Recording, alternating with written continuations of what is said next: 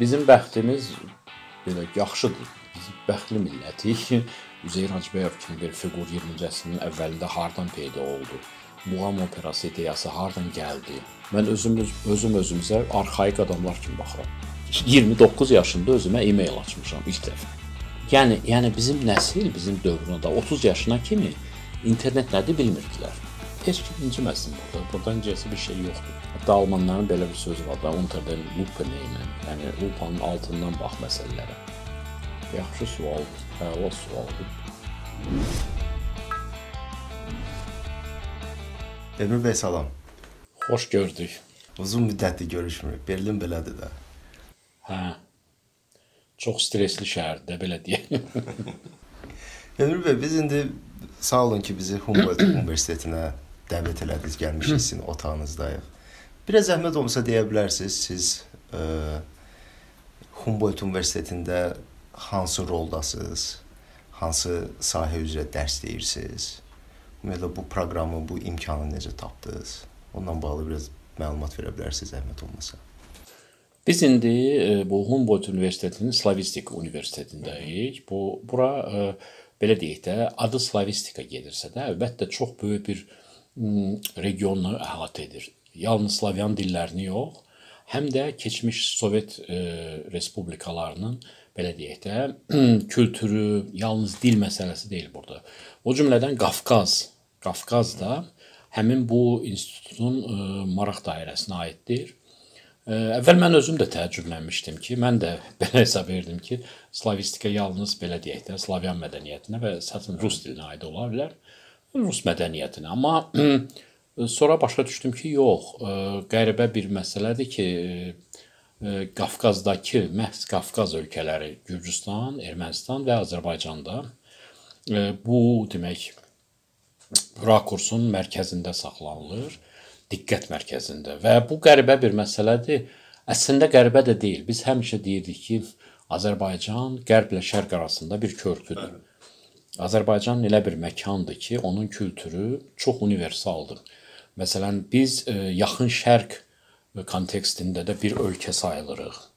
Belə deyək, Türk, ə, Türkistan, Türk ölkələri, Mərkəzi Asiya ölkələri kontekstində də o, o mədəniyyətə də daxilik. Amma eyni zamanda həmin bu mədəniyyətə də daxilik. Bəli. Və bu anlamda Azərbaycan mədəniyyəti bu universitetdə diqqət mərkəzində saxlanılır. Şəxsən mən bu məsələlərlə çoxdan maraqlanırdım. Sırf musiqişünas kimi, yalnız bəstəkar kimi yox. Bizim ə, kültürün, ə, sekulyar kültürün yaranışı, bizim xüsusən sonuncu 200 ildə Azərbaycanda baş verən tarixi, ictimai, siyasi proseslər kontekstində yeni sekulyar mədəniyyətin yaranışı, bunun ə, kökləri, bunun ə, əsas başlıca impulslar Bunlar məni həmişə maraqlandırıb. Berlinə gəldiyim zamandan bu institutla əməkdaşlığa başladıq. Əvvəl bir neçə demək leksiya belə deyək də qast professor qismində, qast dosent, yəni dəvət olunan bir ə, elm adamı kimi. Sonra isə ə, belə deyək, müntəzəm əsasda, yəni ə, daimi əsaslarda əməkdaşlığa başlamaq qərarı verildi universitet rəhbərliyi tərəfindən. Hazırda mən Burada belə deyək, Wissenschaftliche Mitarbeiter belə elmi işçi statusum var və mənim burada indiki əsas missiyam Azərbaycan musiqisinin belə deyək, siyasi tarixi haqqında bir monoqrafiya yazmaqdır. Belə deyək də bizim musiqinin e, genezisi, yəni sekulyar, yeni yeni çağdaş modern dövr musiqisinin yaranışı, onun daxilindəki təzadlar, proseslər, ona impuls verən e, məsələlər, bunların belə deyək, geosiyasi aspektləri, demək, elmi işin adı arxaizm və modernizm arasında Azərbaycan kültürü 3 keçmiş imperiyanın kontekstində belə deyək də Rusiya, Osmanlı və İran imperiyaları arasında gəlişmiş bir mədəniyyətin. Kifayət qədər mürəkkəb mövzudur. Hə, mən özüm bunu təklif elədim ki, e, bizdə ümumiyyətlə musiqi, musiqişünaslıq işləri yazılır bizim musiqi haqqında.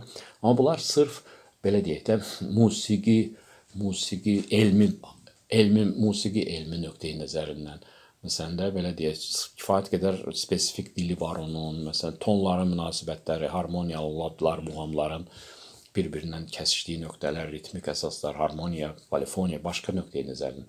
Amma sırf mənim marağım hər zaman musiqi tarixinin özünədir.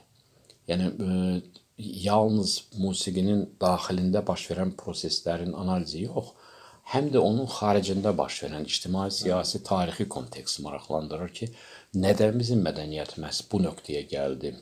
Üzeyir Hacıbəyov kimi bir fiqur 20-ci əsrin əvvəlində hardan peyda oldu? Muğam operası ideyası hardan gəldi? Yəni hansı siyasi, mədəni şərtlər Bəli. belə bir insanın meydana çıxmağına, belə bir fiqurun, belə bir fiqurun, bir fiqurun tarix səhnəsinə çıxmağı, yəni belə-belə ola bilməzdi. Çünki onu şərtləndirən səbəblər var idi. Ondan 100 il əvvəl Rusiyanın Qafqazlara gəlişi mən özüm uzun müddət e, belə kontekstdə baxırdım ki, bu işğaldır. Sonralar isə bu prosesi çox dərindən izləyəndən sonra başa düşdüm ki, buna işğal demək olmaz. Bu Rus Rusiyanın Qafqaza gəlişi idi. Çünki əks halda bizə bizə uyğun olan bir bizim öz dövlətimiz saya biləcəyimiz başqa bir dövlət yox idi. Belə deyək də üstündən 200 il keçəndən sonra bu prosesin biz çox rahat ə, fərqləndirə bilərik. Arazın o tayına bircə baxış kifayətdir ki, bizə məlum olsun, Rusiyanın bura gəlişi bizə xeyir verib yoxsa yox. Əlbəttə ki, o Çar imperiyasının e, bu regiona gəlişi biz bizim marağımız nöqteyi nəzərindən belə deyək də, e, biz bizə görə edilməmişdi bu. Yəni hansısa bir xoş niyyət durumunda. Xeyr, xeyr, xeyr, xeyr. Hə. İmperiyanın genişlənməsi idi, hə. amma bu məsələlər eyni zamanda bizim şəxsi belə deyək də, bizim milli identifikasiya üçün çox yararlı oldu. Necə yararlı oldu? Bunun çox sabidə, yəni izahları var. Rus imperiyası gəlir, 19-cu e, əsrin əvvəlində İranla üzbəüz qalır. Osmanlı artıq kənarlaşmışdı. İranla üzbəüzdə bu regionu öz maraqlarına görə ələ keçirməyi planlaşdırır. Planlaşdırdığı işi yerinə yetirdikdən sonra Azərbaycanda, bizim regionda konkret e, Yermolovun da demək çara yazdığı məktublar var. Tadeusz Sviatovski, Sviatovski çox çətin familiyası var. Bu məşhur Polyak, Amerikalı alimdir, Azərbaycan şünasdır, bilirsin onu, Tadeusz Sviatovski. O bu haqqda çox ə, e, dərin onun elmi işləri var. Mən onu oxuyandan sonra bir çox şeyi başa düşdüm. Uzun illər əvvəl hardasa bir 20 il əvvəl onun əsərləri Azərbaycanda peyda olmağa başladı. 90-cı ildə ilk dəfə Xəzər jurnalına çıxdı. Oradan mən başa düşməyə başladım ki, qəribə bir şeylər baş verib. Hmm, Çar administrasiyasının birinci marağı bunda idi ki, yerli əhalini, yerli demək insanları e, itaətə alandan sonra qonşu imperiyanın dilini uzaqlaşdırsın.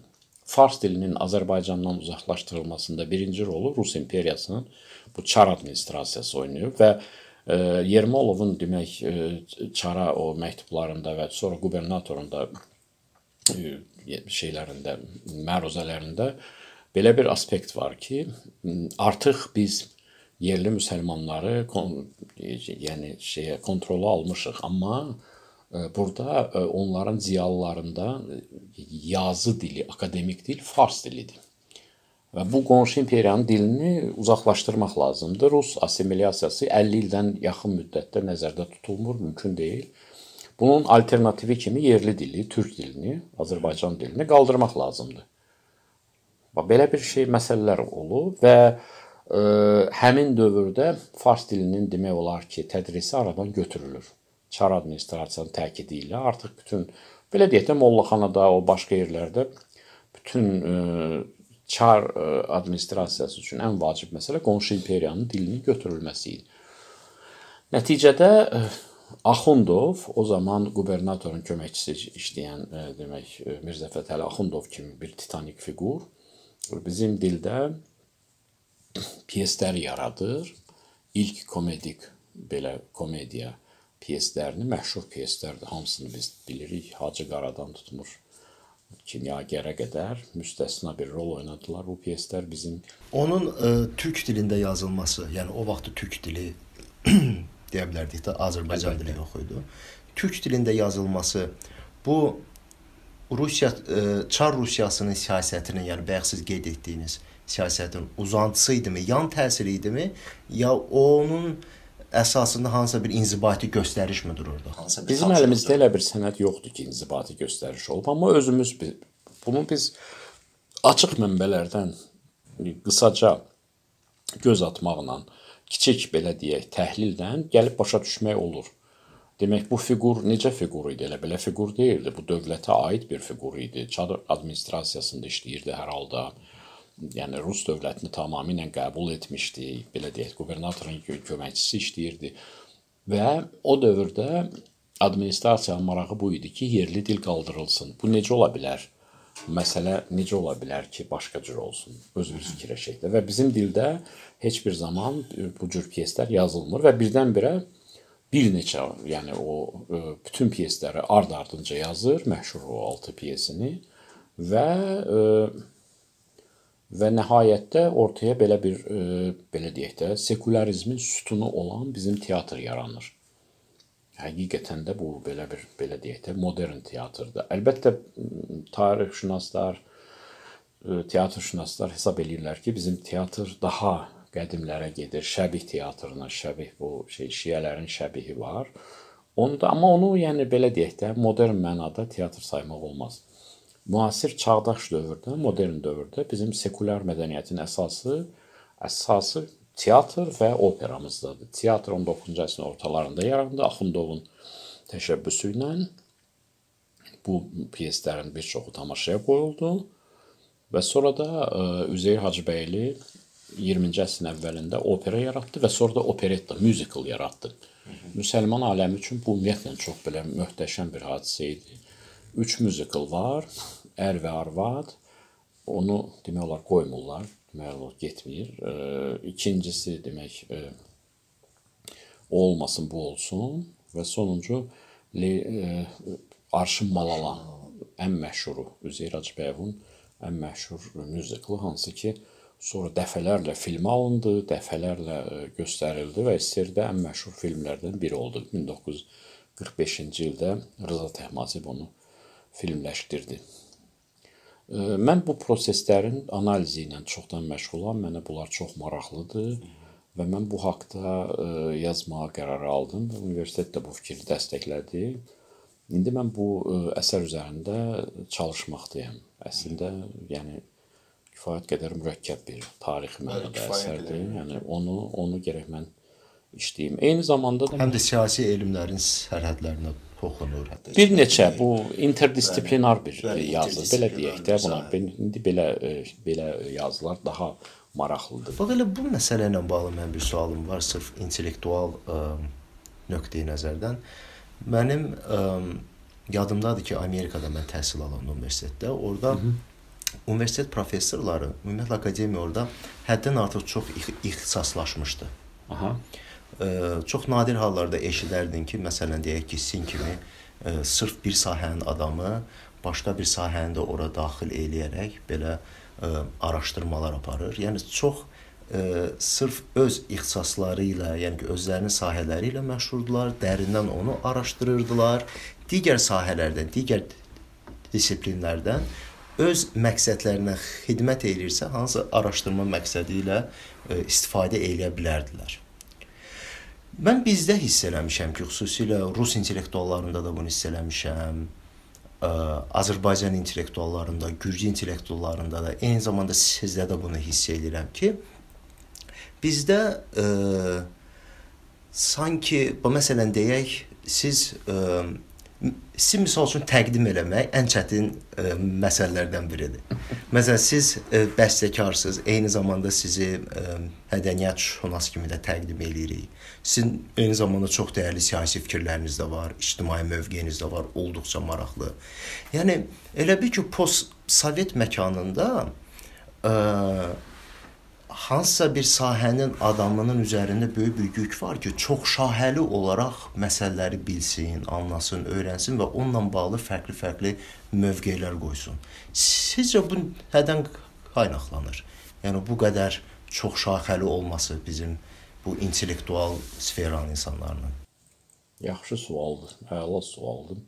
Əslində bir şey deyim ki, həmin o ə, e, kifayət qədər çox kiçik spesializasiyada, yəni kiçik uz bu məhdud profil baxışı 20-ci əsrin fenomeni idi.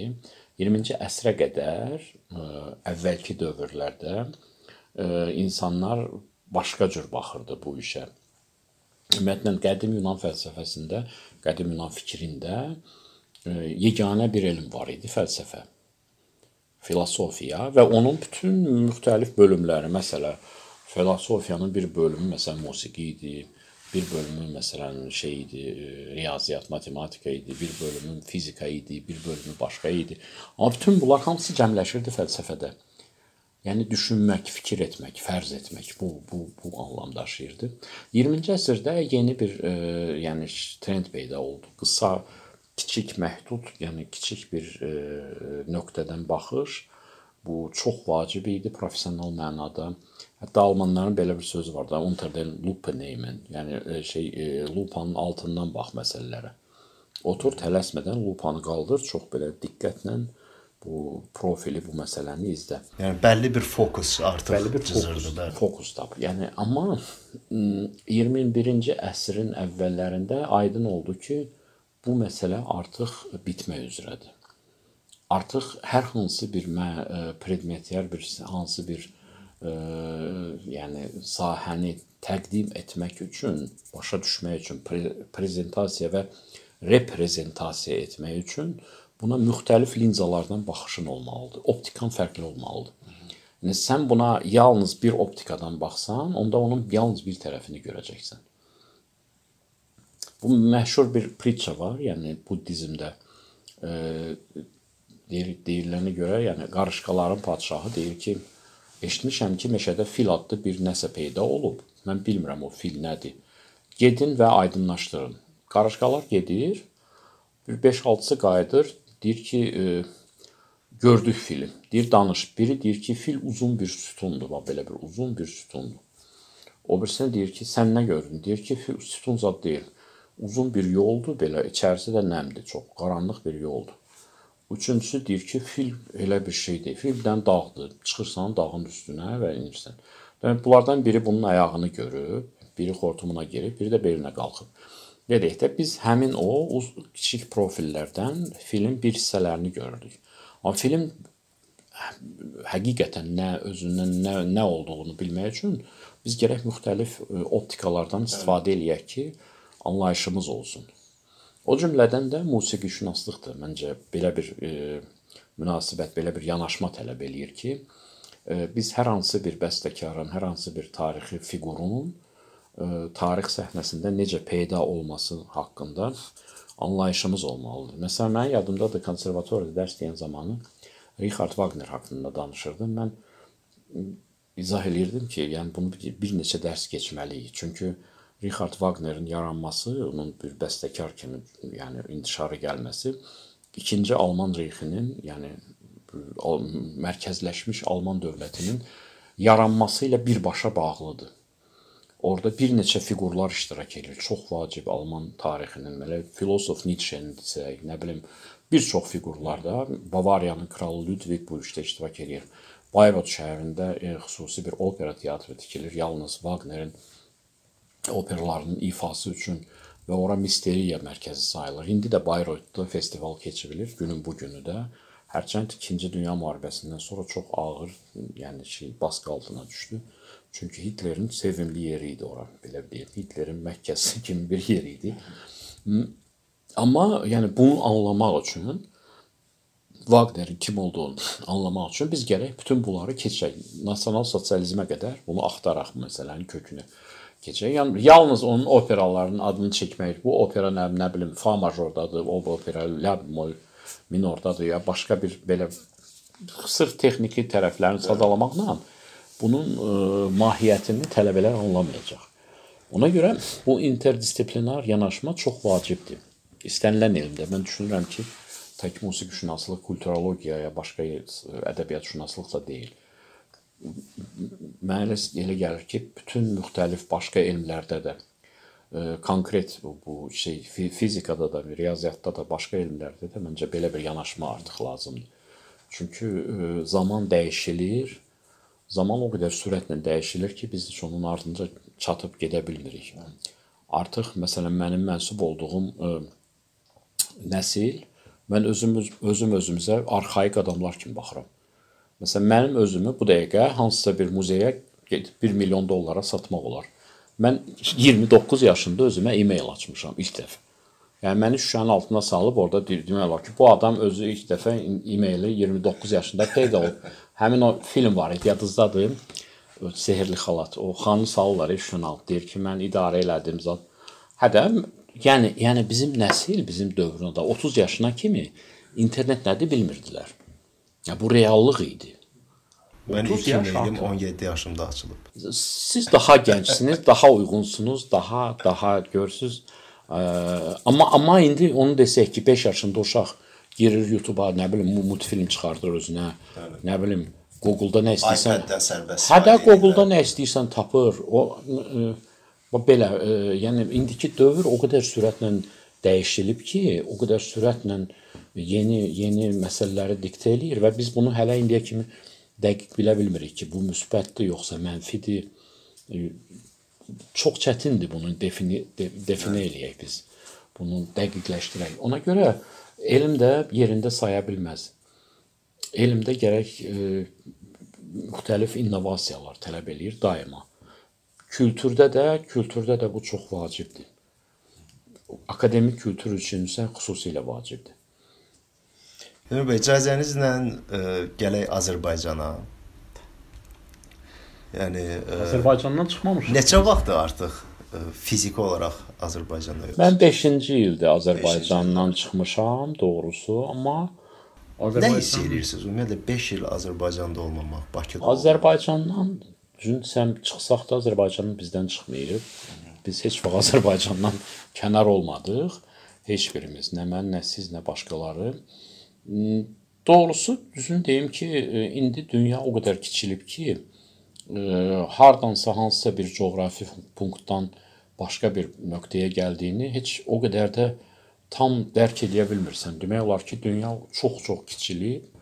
Yəni təsəvvür eləmək olmaz. Biz fantastların əsərində oxuyurduq, amma onlarda da yox idi belə ki, günü bu günü bir dəqiqənin içində mən bir dənə bu, bu balaca cihazı hansı ki hamıda artıq var Bunun içində bir dənə e, yəni chat yaradıb 5 kontinentdən müxtəlif adamları ora yığıb diskussiya təşkil edə bilərəm.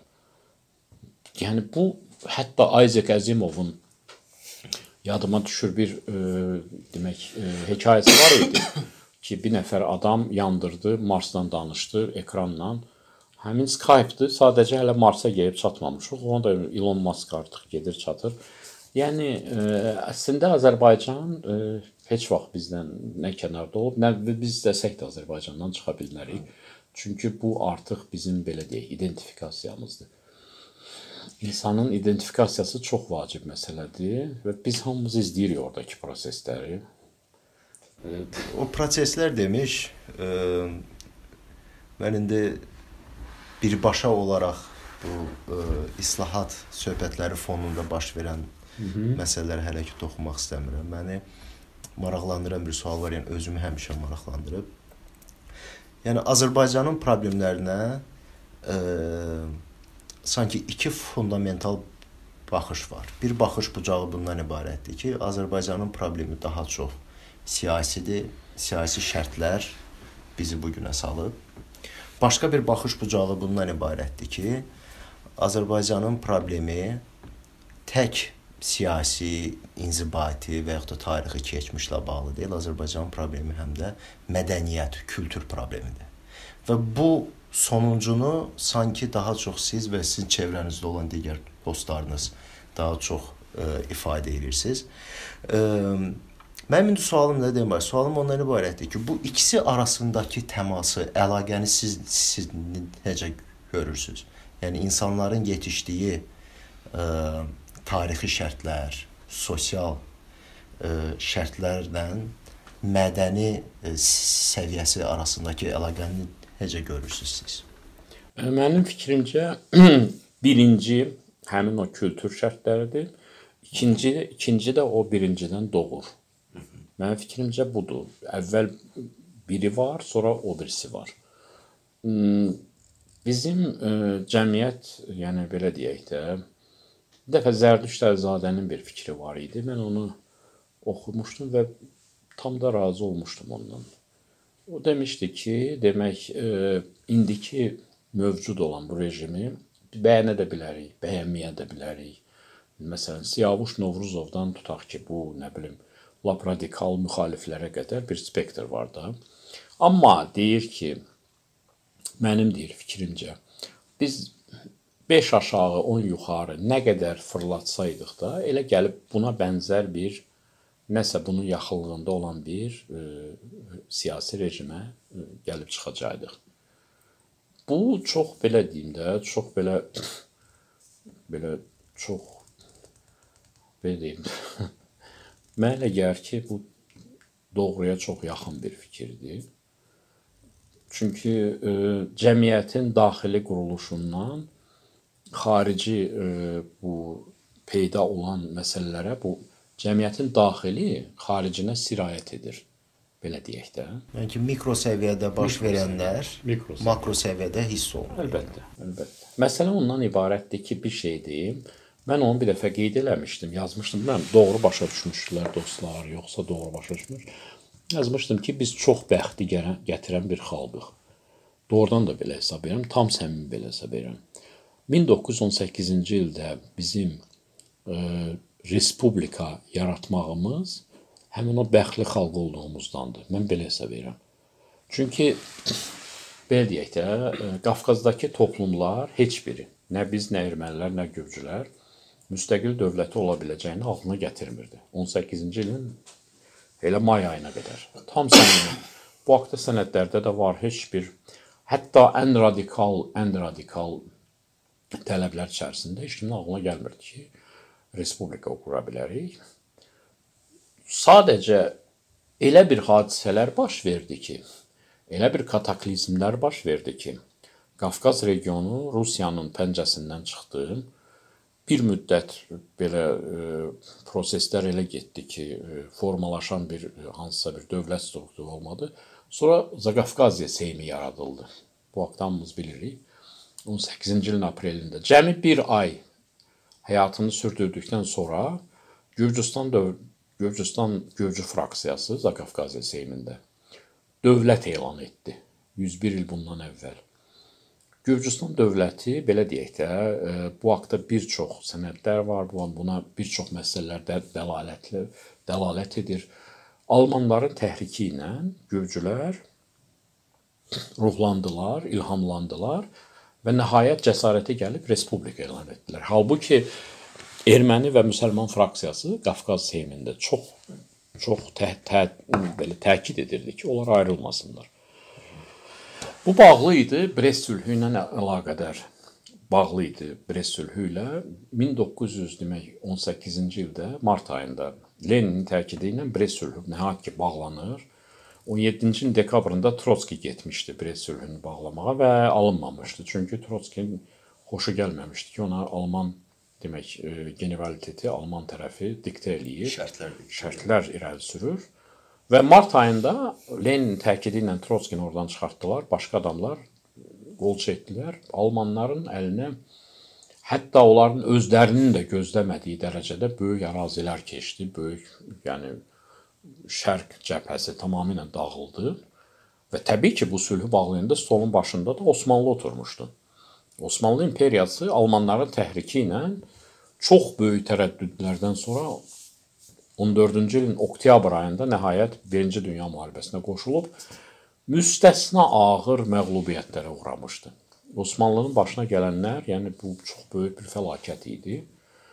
Belə deyək də, çox böyük dirəniş nəticəsində İstanbul alınmadı. O zaman demək Dardanelli keçə bilmədilər. Gallipoli e, operasiyası, Çanakkale operasyonu baş tutmadı. Halbuki bütün dünyanın birləşmiş qüvvələri gəlmişdi. Fransızlar, ingilislər, Yeni Zelandiya, Hindistan, bilmirəm, hamı, bütün dünya ora gəlmişdi.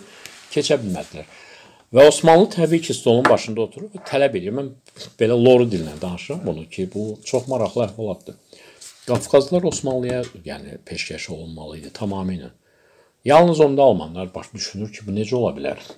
Biz Qara dənizi demək olar ki, bütünlüklə də Osmanlıya veririk. Olur Osmanlının dənizini bir belə deyək də. Gürcüstan dövlətinin yaranması bununla çox bağlıdır ki, Qafqazda bir xristian dövləti yaransın ki, Osmanlıya deyək ki, biz bunun himayəçisiyik. Buna toxuna bilməzsən, amma qalanları ilə nə istəyirsən elə, sən özün baxarsan, nə isə eləyərsən. Bax belə deyək də. Gürcüstan dövlətinə əgər diqqət versəz Gür Tiflisə, indiyə kimi çox dərin germanofiliya var orada. Orada məsələn e, Goethe İnstitutunun böyük mərkəzləri vardı. Alman səfirliyi böyükdür, çox. Gürcüstan ümumiyyətlə alman dilli ölkədir. Gürcüstanda çox böyük alman dili bilən insanlar kütləsi var, alman dili kursları var. Ümumiyyətlə Almaniyanın çətirini indi də orada hiss etmək olar.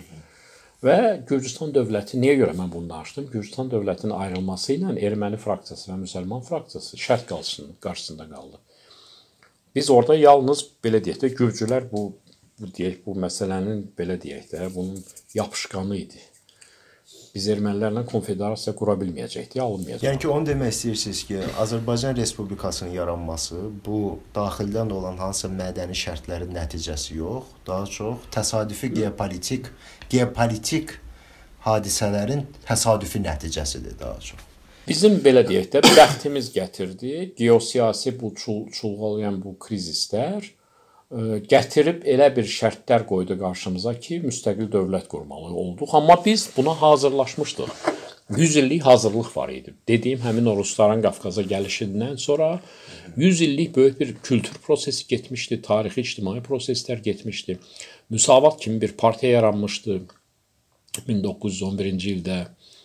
Bu bu çox qədim partiyalardan biridir dünyada. Sonra ümumiyyətlə e, bizim cəmiyyətin içərisində e, böyük proseslər getdi. Siyasi mənada, kültür mənada Molla Nəsrəddin kimi bir jurnal yarandı. Ziyalıların hərəkatı yarandı, ziyalı təbəqəsi, müstəsna bir ziyalı təbəqəsi yetişdi o dövrdə. Biz buna belə deyək də, lap tam olmasa da qismən hazır idik. Bu şərtlər bizim əlimizə keçdi və biz bu dövləti elan eləyə bildik, hansı ki, indi də onun pasportunu daşıyırıq. Bunu biz qurucu atalarımıza, qurucu babalarımıza borcluyuq. Onlar bu çətin keşməkeşli dövrdə bu dövləti elan eləyə bildilər, onun bayrağını yarada bildilər. Elə elədilər ki, Bakı kimi bir şəhər onun paytaxtı oldu. Halbuki belə deyək də, Bakının özündə biz milli azlıq idik. Necə ki, Tiflisin özündə gürcülər milli azlıq idilər. Belə idi. Yəni biz Bakıda ə, e, diktə eləyə bilmirdik öz şərtlərimizi. Bakıda Azərbaycan dili ümumiyyətlə demək olar çox az mövcud idi o dövrdə. Ə, e, belə deyək də, ə, e, istənilən halda biz bunu edə bildik və bu anlamda belə deyək də, bizim bəxtimiz belə yaxşıdır. Biz bəxtli millətik və ə, bu işlər öz ə, məcrasına düşüb. Amma məsələ ondadır ki, Bunu da bir çox tarixçilər də qeyd eləyir ki, həmin dövrdə yaranan dövlətdə xalqın bundan demək olar ki, bir 80% xəbəri yox idi. Yəni xalq öz həyatını yaşayırdı. Orada isə qurucu atalarımız dövlət elan edirdilər. Demək, Osmanlı ordusu gəlirdi, Qafqaz Nuru Paşanın başçılığı Qafqaz İslam ordusu gəlib Bakını azad eləyirdi bizim ordunun hissələri ilə. Sonra ingilislər gəldi. Xalq isə öz həyatını yaşayırdı və buna belə deyək də müşahidəçi idi. Bu siyasətə qarışmıram söhbəti var ya bizdə o. Həmin o söhbətdir də. Yəni yəni belə deyək də, həmin e, indiferent kütlə indi də çoxluqdadır. Mən bunu demək istəyirəm və bu heç kim inciməsin burada. Burada incəsi bir şey yoxdur. Yəni, belə deyə bilərikmi ki, bəs o dövrdə insanların məlumata çıxış azadlığı imkanları indiki qədər deyildi. Məsələn, indi nə qədər adam var ki, məlumatlıdırlar, bilirlər nə baş verir. Ona baxmayaraq yenə seçirlər ki, bu ictimai, sosial, siyasi məsələlərdə iştirak eləməsinlər, danışmasınlar. O vaxtı bəlkə yəni ki, əsas fərq bu ola bilərmi? Məlumata çıxış məsələsi. Tək Sonra insanların tək. daha çox bu kənd təsərrüfatı sahəsində məşğul olması. Aqrar kütlə ilə belə deyək də, aqrar kütlə idi. Bizim yəni cəmiyyətin yeri gəlmişkən Gürcü cəmiyyətində çoxluğu aq- aqrar kütlə idi. Şəhər münasibətləri demək olar ki, yaranmamışdı, yox idi. Burjuaziya, milli burjuaziya yox. Ermənilərdən fərqli olaraq. Ermənilərin milli burjuaziyası artıq mövcud idi həmin dövrdə. Belə deyək də, orta şəhər sakinləri, sələmçilər, bank işçiləri, nə bilim, orada mühəndislər, filanlar, filanlar onlarda yaranmış. Bizdə yox idi, bizdə az idi aqrar kütlə ə, çoxluğu təşkil eləyirdi. İndi də indi də həmin ə, demək belə deyək də, həmin format qalmaqdadır. Məlumata çıxışla məsələ bitmir. Həmin o məlumatla sən necə rəftar edəcəksən, məsələ bundan ibarətdir. Yalnız məlumatı əldə etməklə məsələ bitmir. Bəli. Başa düşürsüz? Hər hansı Sən bir məlumatdan nə yaradacaqsan? Əvvəla hər hansı bir məlumat ə, əvvəla insanlar, insan kütləsi, cəmiyyət onu qavraya bilməlidir. İkincisi bunu ə, qavrayıb təh təhlil süzgəcindən keçirə bilməlidir ki, bunu başa düşsün, anlasın və buna reaksiya versin. Üçüncü də əlbəttə ki, bu məlumatdan doğan bir nəticələrdir. Bu çox mürəkkəb proseslərdir. Bu proseslərdən ən maraqlı sözlərdən birini Məmməd Əmin Rəsulzadə deyib 1920-ci ildə istintaq zamanı. Demək Rəsulzadə 20-ci ilin aprel ayından sonra getmişdi Lahaca, hamı bilir bu əhvalatı. Orada əsrimizin Siyavuş əsərini yazmağa və orada onu təbii ki satmışdılar və e, Sovet Sovetlərə təhvil vermişdilər. Onu demək bu haqda var, demək şey e, məşhur həmin eşit, eşitdiklərim, gördüklərim demək kitabın müəllifi Manaf Manaf Süleymanov Manaf Süleymanov. kit- məşhur kitabında var.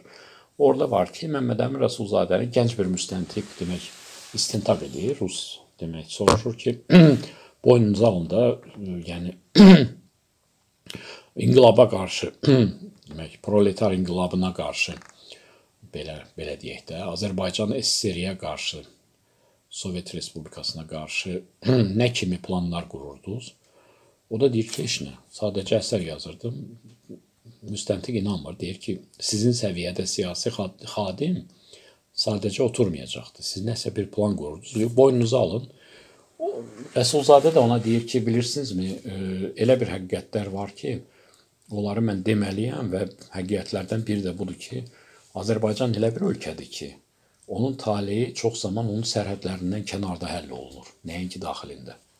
Bu çox maraqlı bir fikirdir əslində. Yəni bu fikir onu demir ki, biz əlimizi qoyub oturmalıyıq, heç nə eləməməliyik. Yox, amma biz bu geosiyasi konfig- konfiqurasiyanı hər zaman gərək nəzərimizdə, diqqətimizdə saxlayaq ki, Azərbaycan belə maraqlı bir geosiyasi məkanda yerləşir. Bayaq biz kültürdən danışırdıq. Kültürdən başqa siyasət də var, tarix də var, başqa e, belə deyək, tranzit, logistik e, şey belə e, yollar, xəttlər də var, logistika da var, beynəlxalq logistika. Və Azərbaycan bunların mərkəzində yerləşir. Bu yaxşıdır ya pisdir? Bunun haqqında uzun müzak müzakirəmiz ola bilər. Yəni siz onu əsas ə, daxildəki proseslərə təsir edə biləcək əsas təyin edici faktor hesab edirsiniz. Əsas təyin edici faktor geosiyasətdir və coğrafiyadır. Ümumiyyətlə belə deyək də, e, son illər Qədər elə bir ki, deterministsiz bu məsələdə. yox bu doğrudan reallıqdır. Son illərdə mən əmin olmuşam ki, coğrafiya çox böyük məsələləri həll eləyir. Çox məsələ var ki, orada əlbəttə əlbəttə tarix var, etnik hansısa bir münasibətlər var, sosial münasibətlər var, bir çox şey var, amma coğrafiya həll edici bir statusa malikdir. Azərbaycanın anlamında isə belə strateji bir ə, məsələdir geosiyasət. Geosiyasi faktor bizim ə, həm keçmişimizdə, həm də indiki dövrdə, indiki bu respublikanın qurulması, ikinci respublikanın həm qurulması, həm də belə deyək, Zərdüşt Əlizadə deyirdi, Süqutu belə bir kitabı var onun. Ə, Süqutunda böyük bir faktor oldu. İstənilən halda bu geosiyasət həm də imkan vermir ki, Azərbaycan dövləti ayaqdan düşsün. Azərbaycan dövlətinin mövcudluğu da bu geoqrafi geosiyasətlə bağ, sıx bağlıdır.